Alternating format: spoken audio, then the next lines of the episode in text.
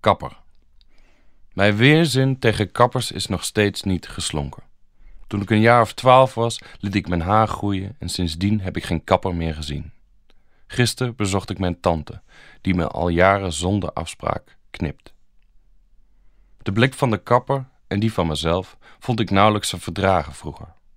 Ook waren de gesprekken doorgaans van een ondubbelzinnigheid die zowel agressie als jeuk bij me opriep. Maar misschien was ik enkel bang voor mensen, bang voor het onbekende of had ik gewoon last van provinciale angst.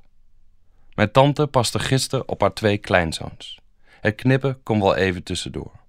De oudste, een peuter, speelde in de woonkamer en hij rook naar uitwerpselen. De jongste, een baby, lag moederziel alleen buiten in een kinderwagen. Ik ging voor het raam staan en keek naar hem. Het was mooi weer. Mijn tante zei: Ja, dat deden we vroeger bij jullie ook. Erg gezond voor een kind. Ik rook de oudste en ik wilde voorstellen om hem buiten te zetten in plaats van de baby. Maar met de opvoeding van anderen moet je je zo min mogelijk bemoeien, volgens mij. Voor ze begon te knippen, werd de baby naar binnen gehaald. Het stelde me gerust. Onlangs was ik op een boerderij en een vrouw zei: Eerder hadden we twintig kippen, maar één voor één zijn ze door een buizerd meegenomen. Dan zag je ze zo samen wegvliegen. Een baby weegt misschien wel minder dan een kip. Ik nam plaats op een krukje in de keuken.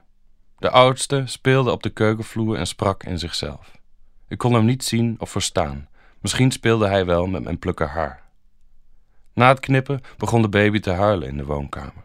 Mijn tante verschoonde de oudste en zei: Als ik hier een dag ben geweest, ben ik soms helemaal gesloopt. Geknield veegde ik mijn haren bij elkaar. Het stonk en er werd gehuild bij de thuiskapper, maar er was niks om bang voor te zijn.